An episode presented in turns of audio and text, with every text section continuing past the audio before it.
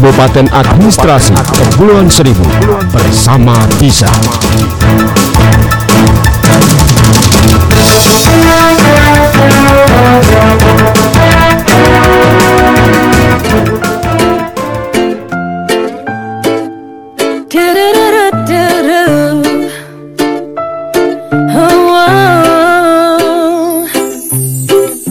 Sudah biasa diriku ditinggalkan Diacukan dan dicampakkan oleh orang yang ku cinta Menyakitkan.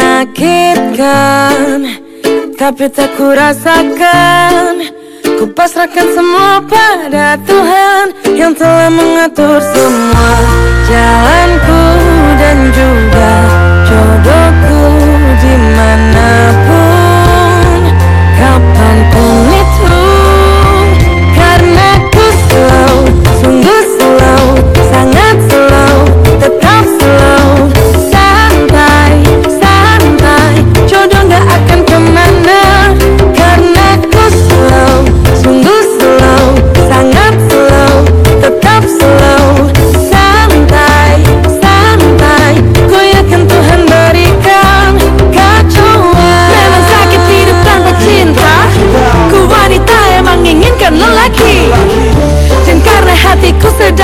sedang makan derita Ku butuh seseorang sebagai P3K Bila nanti sudah ku dapatkan Seseorang paling sempurna Pasti akan selalu ku jaga. Karena Tuhan telah menitipkan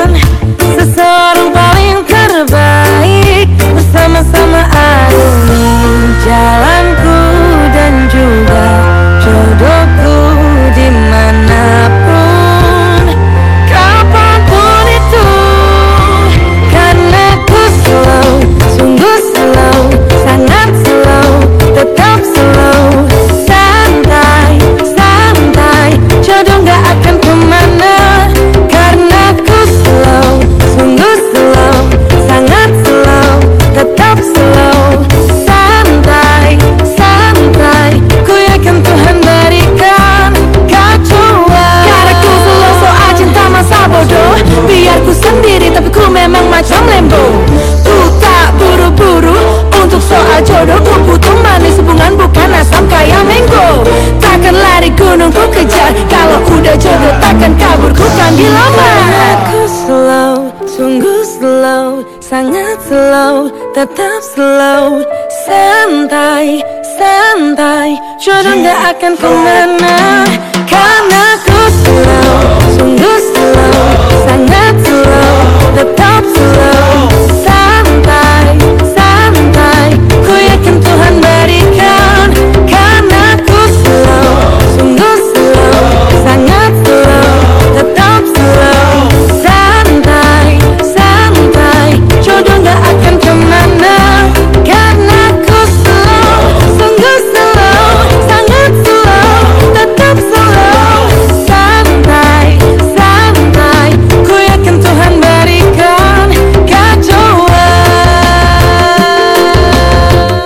Assalamualaikum warahmatullahi wabarakatuh. Selamat pagi menjelang siang Warga Jakarta Kepulauan Seribu.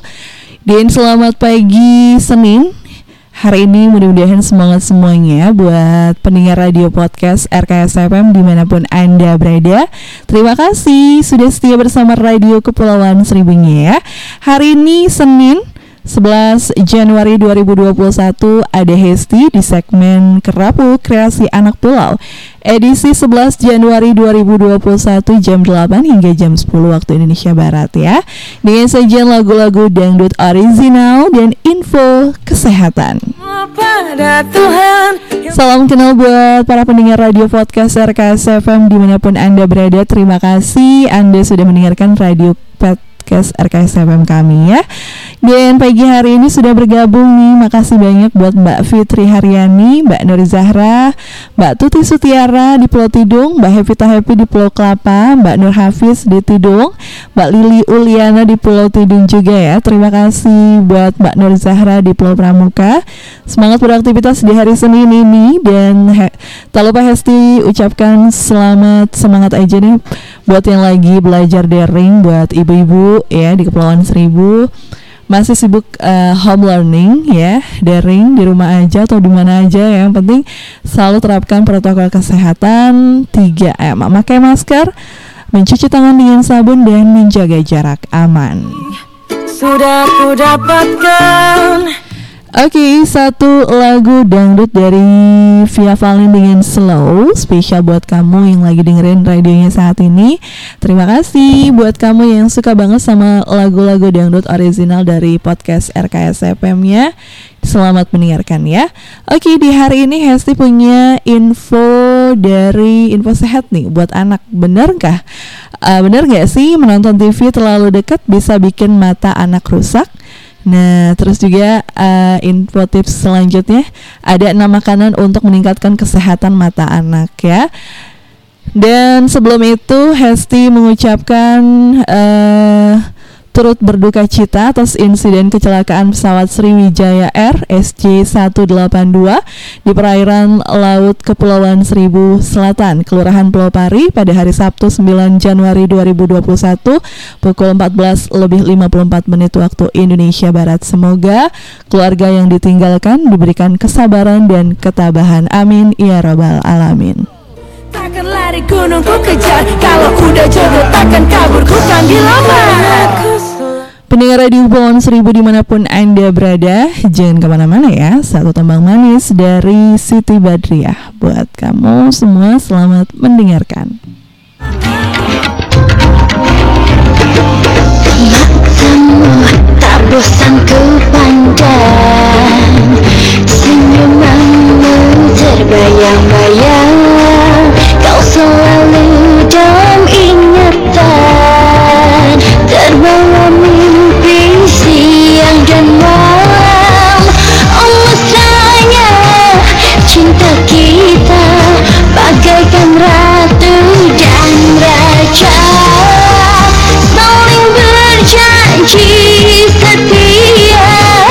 Susah senang kita sama-sama. Senandung cinta Syair dan nada Menghiasi Dua insan saling bercinta. Manis dan manja Cinta dan tawa Bunga-bunga Cinta. StanaMusic.com Matamu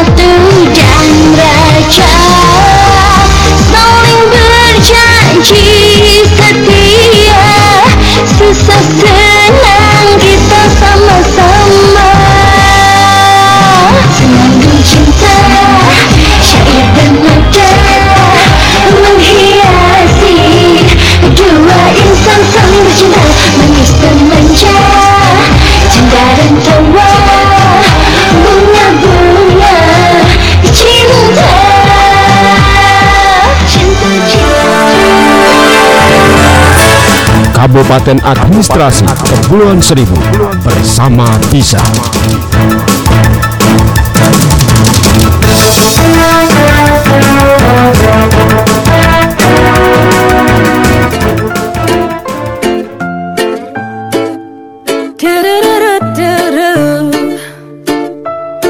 oh. Sudah biasa Oke, kembali lagi masih ditemani Hesti di ruang dengar Anda. Terima kasih buat kamu yang baru saja bergabung bersama Hesti di segmen Kerapu pagi hari ini. Iya, Senin semangat buat kita semua ya. Jangan lupa selalu terapkan protokol kesehatan 3M. pada Tuhan Iya, pendengar setia Radio Kepulauan Seribu, info sehat kali ini mengenai benar gak sih nonton TV itu terlalu dekat bisa bikin mata anak kita menjadi rusak? Ketika kita masih kecil, orang tua mungkin sibuk menasehati kita ya, atau membela, membelalaki jika kita tetap saja bandel untuk jangan menonton TV terlalu dekat. Karena jika tidak, mata kita akan rusak. Ya, petua ini menempel erat dalam benak kita hingga dewasa dan kini sebagai orang tua ya, kitalah yang bertugas memperingatkan anak-anak kita untuk tidak duduk terlalu dekat dengan layar televisi. Nah, pernahkah kita bertanya-tanya dari mana asal muasal petua ini dan apakah nasihat turun temurun leluhur ini mengandung sedikit saja kebenaran? Seseorang sebagai P3K Hmm, menurut Hesti kayaknya ada ya kebenarannya. Sudah ku dapat Ya, coba kita simak dulu nih di hellosehat.com. Ya, berawal dari TV cembung zaman dulu, sebelum tahun 1950-an, banyak televisi layar cembung diketahui memancarkan sinar radiasi tingkat tinggi berasal dari tabung sinar katoda di dalamnya, hingga 10.000 kali lipat lebih tinggi daripada batas aman. Akibatnya, setelah paparan berkelanjutan dan berulang, Radiasi ini dapat meningkatkan resiko masalah penglihatan pada sebagian besar orang. Anjuran dari pihak berwenang untuk mengatasi kepanikan ini adalah dengan menjaga jarak duduk dari layar TV. Selama kita duduk agak menjauh dan tidak menonton TV lebih dari satu jam atau terlalu dekat, kita akan aman ya. Nah, sejumlah pabrik televisi dengan cepat menarik produk cacat mereka dan memperbaikinya. Namun, stigma menonton TV terlalu dekat dan akan merusak mata masih tetap hidup sampai hari ini. macam lembo tak buru-buru Untuk soal jodoh butuh manis hubungan bukan asam kayak me- Pendengar setia radio podcast RKS FM, para ilmuwan zaman modern dapat memastikan bahwa peringatan kuno ini benar-benar sudah usang. Tidak ada bukti sain bahwa menonton TV terlalu dekat akan menyakiti mata, baik pada anak maupun orang dewasa ya. Selain itu, kini perangkat TV modern dirancang dengan perisai kaca tertimbal yang kuat, sehingga radiasi sinar tidak lagi menjadi masalah. Hmm. Oke, kalau begitu. Nah, pendengar setia, anak menonton TV terlalu dekat mungkin karena ia memang sudah rabun. Benar nggak sih? Coba kita lihat lagi infonya ya. Anak-anak pada umumnya memiliki kebiasaan membaca buku atau duduk tepat di depan layar TV ya karena keinginan untuk memenuhi penglihatan peripheral mereka dengan gambar yang ada di layar TV. Hal ini tidak memerlukan kekhawatiran khusus. Mata anak didesain sedemikian rupa untuk dapat fokus dalam jarak pendek lebih cepat dan lebih baik daripada orang dewasa. Kebiasaan ini biasanya akan berangsur berkurang saat mereka tumbuh dewasa. Menonton TV terlalu dekat tidak akan membuat anak menjadi rabun jauh, namun mungkin anak-anak kita duduk terlalu dekat dengan layar TV karena ia mengidap rabun jauh dan tidak pernah terdiagnosis sebelumnya. Ini bukan karena akibat radiasi televisi ya. Jika anak kita terbiasa duduk terlalu dekat dengan TV hingga mengkhawatirkan kita, terutama mereka yang duduk sangat dekat dan atau menonton dari sudut yang aneh, periksakan matanya ke dokter untuk mendapatkan diagnosis tepat. Yang telah mengatur semua Jalanku dan juga Jodohku di mana pun Kapan pun itu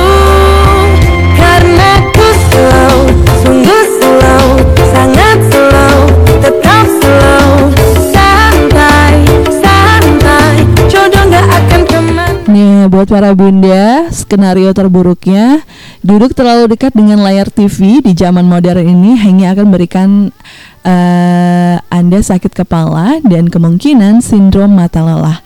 Kedua hal ini dapat menjadi masalah bagi anak-anak kita ya yang sering nonton TV sambil berbaring di lantai. Ya, menonton TV sambil mendongak akan menyebabkan otot mata semakin rentan, renggang, dan kelelahan daripada memandangi TV dalam posisi layar sejajar. Pandangan mata atau melihat ke bawah adalah hal yang sama juga berlaku pada monitor komputer atau gadget atau elektronik lainnya. Jadi nggak boleh nih anak-anak kita eh, nonton eh, video YouTube ya, TikTok dan lain sebagainya via komputer dengan cara mendongak gitu ya atau sambil tiduran atau handphonenya gitu terlalu dekat dengan mata nih akibatnya mata kita jadi eh, lelah ya dan menyebabkan keregangan. Nah gitu. Kadang matanya sampai merah berair ya itu dibiarin aja karena eh, terlalu menikmati apa eh, kebiasaannya menonton gadget. Mana? Karena Nah, pendengar setia dan juga buat para orang tua di rumah, sindrom mata lelah ini juga bisa terjadi saat menonton TV atau memandangi layar komputer dan cahaya layar yang lebih redup daripada pencahayaan ruangan. Jadi, kalau eh, komputer terus handphonenya diredupin itu bisa berbahaya buat mata ya. Jadi jangan sampai diredupin ya. Terus pencahayaan kita di rumah juga harus eh, maksimal ya Nah, untungnya kelelahan mata bukan kondisi permanen dan tidak mengancam keselamatan anak. Mata lelah dapat dengan mudah diatasi dengan cara matikan TV, matikan gadgetnya, matikan komputernya ya. Anakku slow, sungguh slow, sangat slow, ada juga cara lain Bunda, sebaiknya segera ajak anak kita untuk beranjak dari tempat duduknya di depan TV atau saat ini dan lakukan aktivitas produktif lainnya. Karena tampaknya efek buruk eh, dari menonton TV tidak terletak pada kesehatan mata ya. Dan mungkin berasal dari terlalu sering dan lama menonton TV, tidak peduli jauh, dekat jaraknya. Jadi kalau mereka terlalu sering nonton TV-nya gitu ya, terus dalam sejam dua jam nggak berhenti, ya ini walhasil ya kesehatan mata anak kita jadi terancam. Ku yakin Tuhan berikan kacauan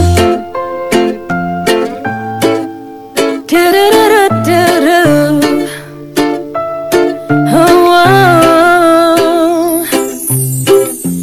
Sudah biasa diriku ditinggalkan Diacukan dan dicampakkan oleh orang yang ku cinta Iya, dan tapi para bunda dan orang tua ya tetap kita harus tahu bahwa menonton TV, gadget, komputer yang terlalu lama tetap itu tak baik bagi kesehatan mata ya.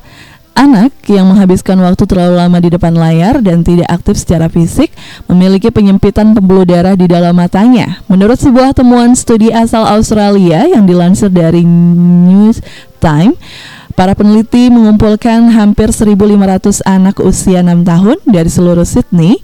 Peneliti memeriksa mata eh, partisipan setelah meneliti waktu yang dihabiskan untuk aktivitas fisik yang produktif dan waktu yang terbuang hanya untuk menonton TV atau komputer saja. Hasilnya, mereka menunjukkan bahwa pada anak-anak yang paling sering dan paling lama menonton TV ditemukan adanya penyempitan pembuluh darah di dalam mata mereka dibandingkan dengan kelompok anak yang lebih jarang menonton TV. Hasil untuk kegiatan fisik pun tidak jauh berbeda ya. Mata anak-anak yang jarang berolahraga sama-sama menunjukkan penyempitan pembuluh darah. Namun begitu alasannya jelas. Sampai saat ini peneliti belum dapat memastikan apa dampak dari penyempitan pembuluh darah di mata anak. Namun pada orang dewasa, penyempitan pembuluh darah mata telah dikaitkan dengan peningkatan resiko penyakit jantung. Bersama-sama Selain itu dilansir dari Scientific American, anak-anak yang konsisten menonton TV lebih dari 4 jam sehari lebih mungkin memiliki berat badan berlebih yang dapat membawa sejumlah masalah kesehatan di kemudian hari itu.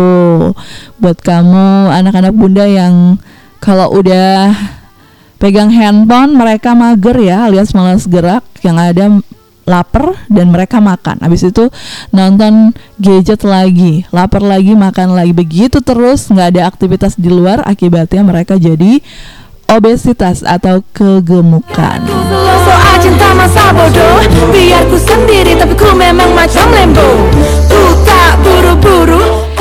Tapi para bunda dan orang tua di rumah, bagaimana aturan menonton TV yang aman?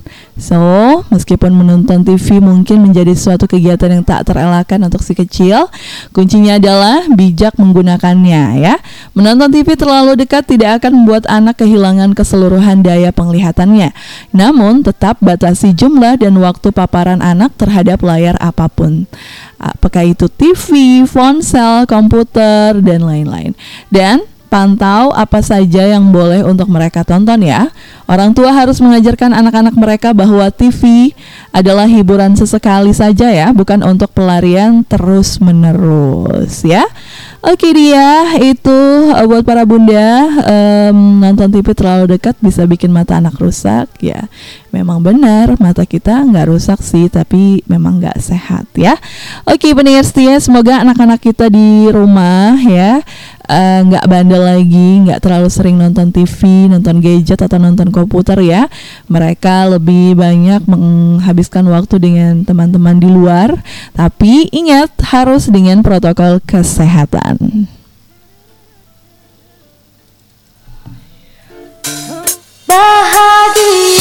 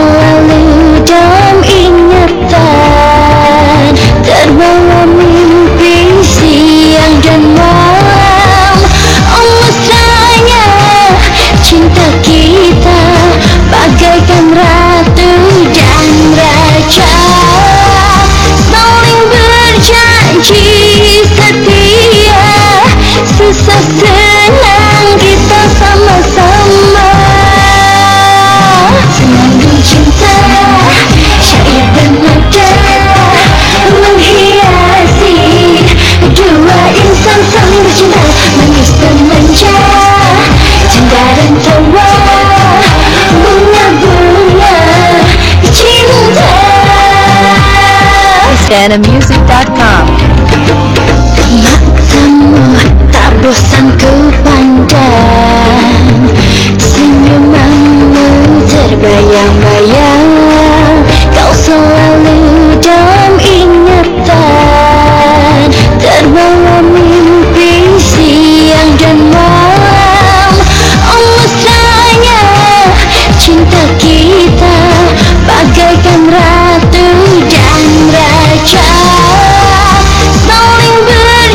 一起。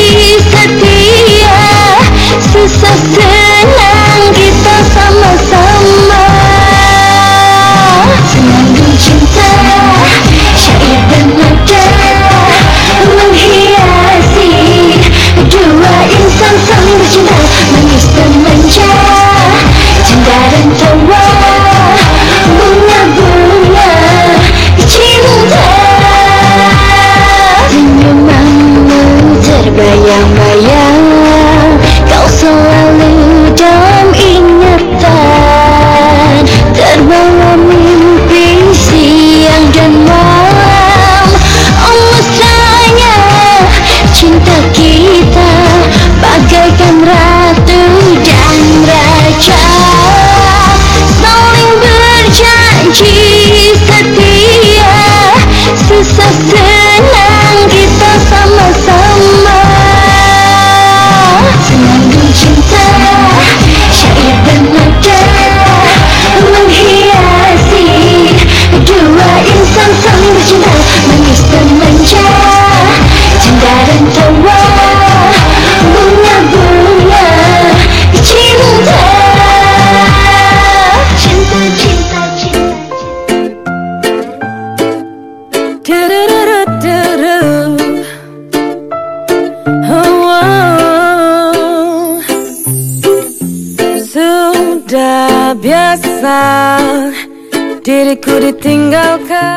Kembali lagi masih ditemani Hesti di ruang dengar Anda, pendengar setia dan terima kasih yang setia bersama Radio Kepulauan Seribu di Radio Podcast RKS FM ya. Terima kasih di hari Senin 11 Januari 2021 semoga kita semua sehat ya. Pendengar Radio Podcast di seluruh Indonesia bahkan di seluruh dunia terima kasih ya buat di daerah-daerah di Kepulauan Seribu ya Pulau Pramuka, Pulau Panggang, Pulau Kelapa, Pulau Tidung, Pulau Payung, Pulau Pari, Pulau Lancang ya, Pulau Untung Jawa juga. Terus tak lupa juga yang ada di Nusa Keramba Resto ya. Buat yang ada di Keramba Harun, buat yang ada di Pulau Kelapa Dua, terima kasih. Buat yang ada di seluruh wilayah Kepulauan Seribu pokoknya ya. Buat yang ada di wilayah Provinsi DKI Jakarta ya, Jakarta Utara, Jakarta Selatan, Jakarta Barat, Jakarta Timur, Jakarta Pusat ya. Dan buat yang ada di Bogor, eh, Tangerang, Bekasi, eh, Depok ya, semua deh se Jabodetabek jur ya. Terima kasih. Selalu ku jaga karena Tuhan telah menitipkan seseorang paling Kembali dengan info sehat untuk anak pendengar setia Pagi hari ini Hesti masih punya ya Kalau tadi infonya mengenai em, Terlalu lama menonton TV, gadget atau komputer buat anak-anak kita ternyata ini sangat tidak baik buat kesehatan mereka ya. Terus, nah kalau udah kayak gitu, gimana nih kalau mereka anak-anak kita terjadi gangguan kesehatan mata, maka anak-anak kita punya solusi yang baik ya untuk meningkatkan kesehatan mata dengan cara mengkonsumsi beberapa makanan yang direkomendasikan. kan masa bodoh Biar ku sendiri tapi ku Ya, buat pendengar radio podcast di mana pun Anda berada, buat para orang tua yang anaknya mungkin ada gangguan kesehatan pada matanya ya, akibat dari terlalu lama nonton TV, nonton gadget, nonton handphone, nonton segala macam ditonton ya. Terus eh, yang namanya sinar eh, alat-alat elektronik pasti ada radiasi ya ke mata, jadi itu bisa mengganggu kesehatan mata. Nah, udah tahu belum cara sederhana dan terbukti efektif untuk menjaga kesehatan mata anak? Ya, mudah banget ya. Eh, penuhilah asupan nutrisi dan gizi yang dibutuhkan si kecil ya bunda, terutama nutrisi yang diperlukan untuk menjaga kesehatan matanya. Santai, santai Jodoh gak akan ke mana Karena Pertanyaannya, makanan seperti apa yang bisa meningkatkan kesehatan mata anak? Tenang saja ya bun, ibu tidak perlu bingung nih sebab banyak makanan yang mengandung berbagai vitamin dan mineral penting yang membantu menjaga kesehatan mata anak. Nah, berikut ini makanan yang bisa ibu masukkan ke dalam menu harian si kecil agar kesehatan matanya tetap terjaga. Nah, apa saja itu? Kalau ada buku sama bolpen dicatat ya bunda. Nah, ini dia. Yang pertama adalah makanannya ikan laut. Ikan-ikan seperti salmon, tuna, dan makarel kaya akan asam lemak omega 3. Nah, omega 3 ini membantu menjaga lubrikasi mata anak dan mencegah sindrom mata kering. Mengkonsumsinya secara teratur juga membantu mengurangi resiko terkena katarak dan degenerasi makula di kemudian hari. mengatur semua Nah, kalau ikan-ikan laut di Pulau Seribu gimana Mbak Hesti? Oh, boleh banget ya karena masih segar-segar eh, sekali tangkap ya, artinya nggak tujuh kali mati guys. Jadi sekali tangkap dari nelayan Pulau Seribu langsung dikonsumsi ya, langsung dimasak maksudnya, dikonsumsi oleh anak-anak kita dan itu baik sekali ya. Omega 3-nya pasti segar dan masih bagus. Sangat slow, tetap slow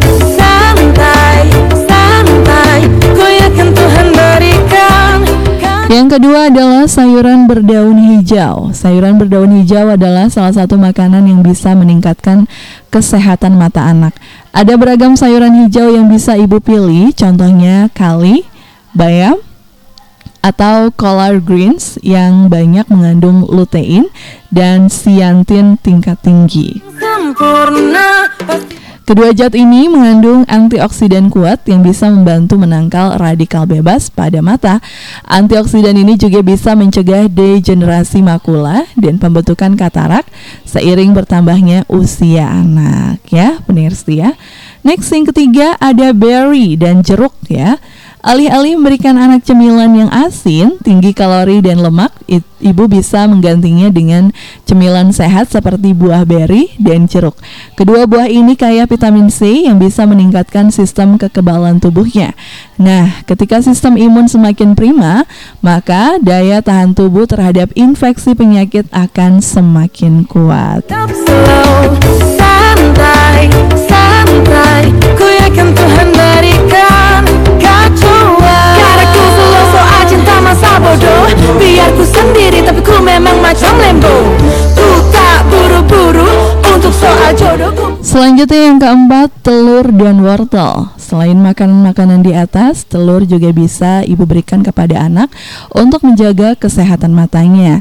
Telur kaya vitamin A yang bisa membantu mencegah rabun senja dan mata kering.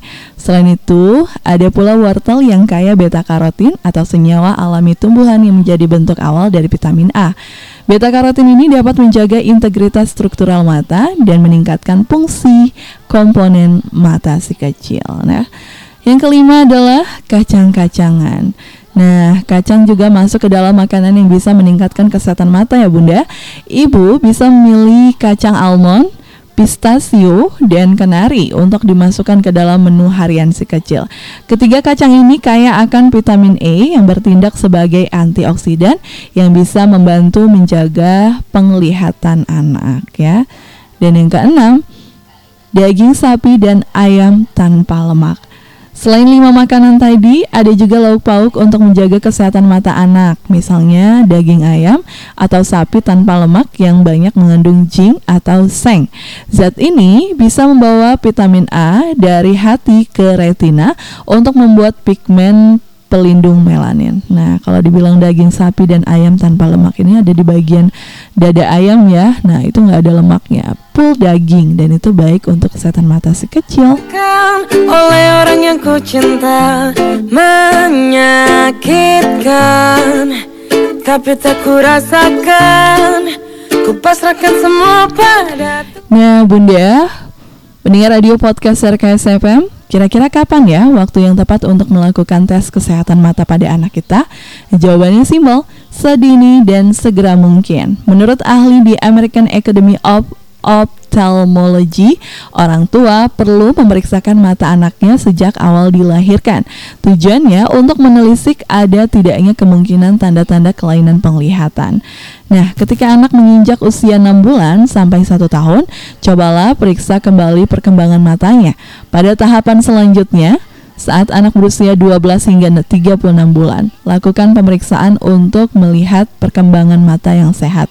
Kemudian, ketika si kecil memasuki usia 3 sampai 5 tahun, ketajaman penglihatannya perlu diuji. Di pemeriksaan ini, dokter akan mendeteksi ada tidaknya masalah mata seperti mata malas, astigmatisme, atau miopia yang bisa mempengaruhi ketajaman penglihatannya. Nah, saat anak berusia 5 tahun ke atas, pemeriksaan ketajaman visual perlu dilakukan kembali. Miopia atau rabun jauh merupakan masalah yang terbilang umum pada anak-anak di usia ini. Andaikan anak mengidap kondisi ini, tidak menutup kemungkinan ya dokter akan merekomendasikan penggunaan kacamata untuk si kecil. Jika ibu ingin memeriksakan kesehatan anak, segera lakukan di rumah sakit pilihan. Sebelumnya, ibu bisa membuat janji dengan dokter melalui em, rumah sakit di dekat kita ya atau puskesmas terdekat. Oke, pendengar setia, itulah nama makanan untuk meningkatkan kesehatan mata anak. Semoga bermanfaat.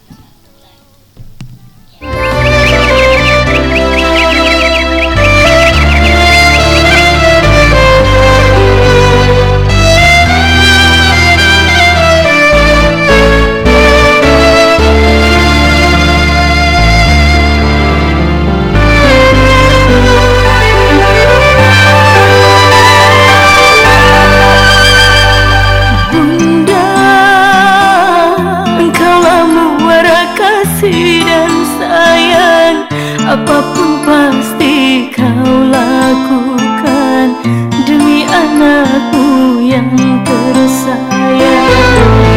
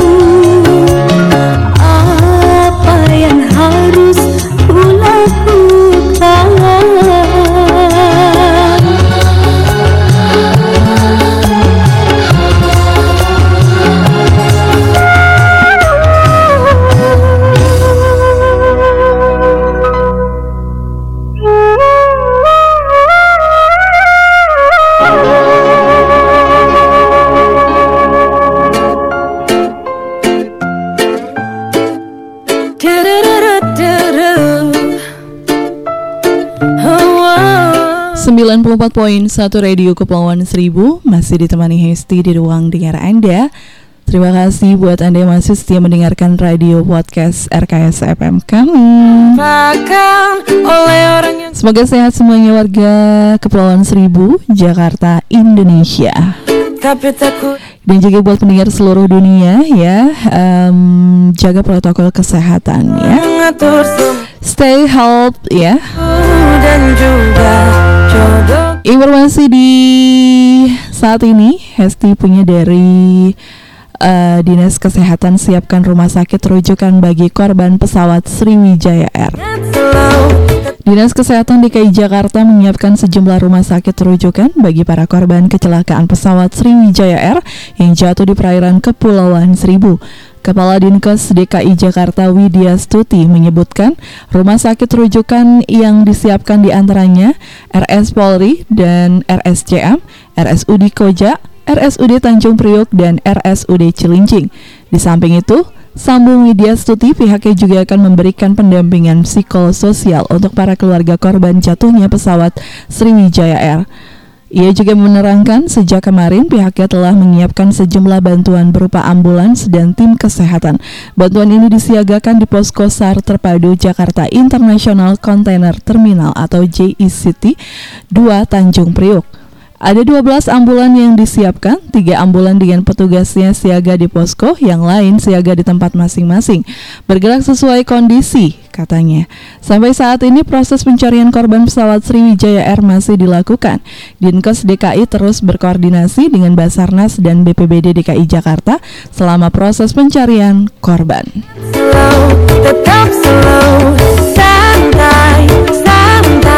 Jodoh gak akan ke mana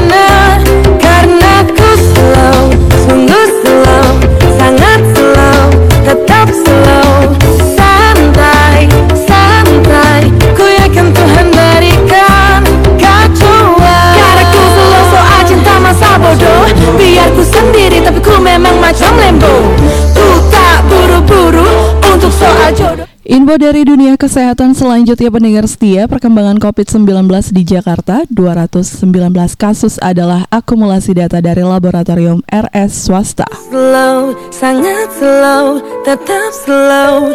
Pemprov DKI Jakarta masih terus mempasifkan tes PCR untuk menemukan kasus baru secara cepat agar dapat segera melakukan tindakan isolasi atau perawatan secara tepat sehingga memperkecil potensi penularan COVID-19. Kepala Bidang Pencegahan dan Pengendalian Penyakit Dinas Kesehatan Provinsi DKI Jakarta Dwi Oktavia memaparkan berdasarkan data terkini Dinas Kesehatan Pemerintah Provinsi DKI Jakarta dilakukan tes PCR sebanyak 14.761 spesimen. Dari jumlah tes tersebut sebanyak 12.513 orang dites PCR hari ini untuk mendiagnosis kasus baru dengan hasil 2.492 positif dan 10.021 negatif.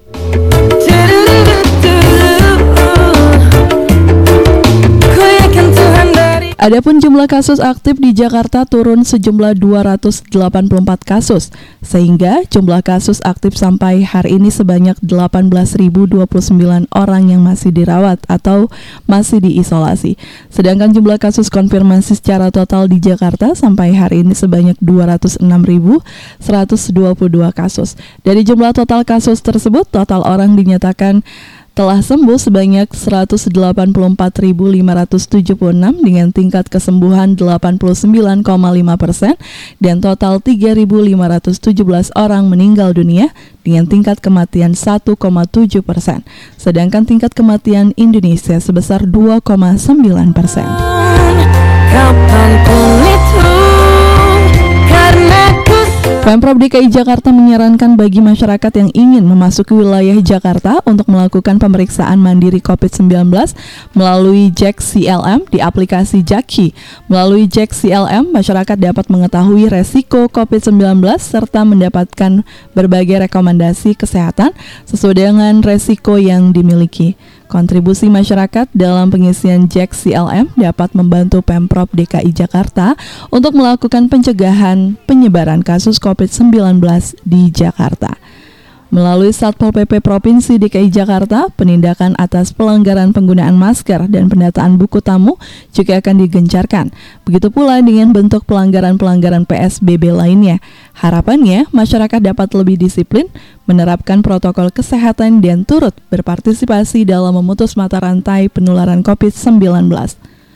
Perlu diingat selalu untuk memperhatikan dan menjalankan prinsip-prinsip ini dalam berkegiatan sehari-hari. Yang pertama, tetap tinggal di rumah dan tidak keluar bila tidak ada keperluan mendesak. Kedua, selalu jalankan 3M, memakai masker dengan benar, menjaga jarak aman 1,5 sampai 2 meter, dan mencuci tangan dengan sabun dan air mengalir secara rutin. Yang ketiga, selalu kegiatan yang diizinkan beroperasi harus dalam kapasitas maksimal 50% dan menjalankan protokol kesehatan dengan ketat. Yang keempat, ingatkan sesama untuk selalu menerapkan protokol kesehatan.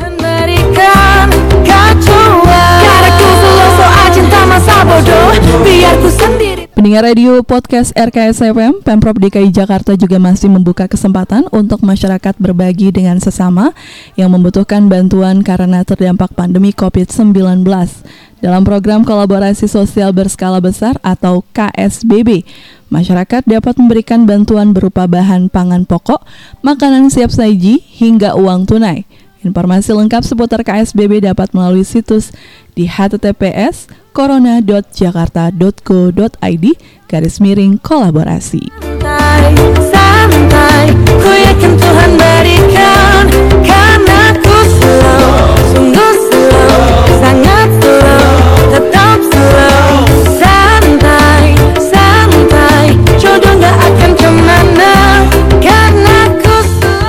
Pendengar setia Radio Kepulauan Seribu demikian ya informasi Radio Kepulauan Seribunya di segmen Kerapu Kreasi Anak Pulau edisi Senin 11 Januari 2021. Semoga info sehat yang Hesti bacakan untuk Anda pendengar radio podcast di mana pun berada bermanfaat ya. Dan terima kasih atas kebersamaan Anda.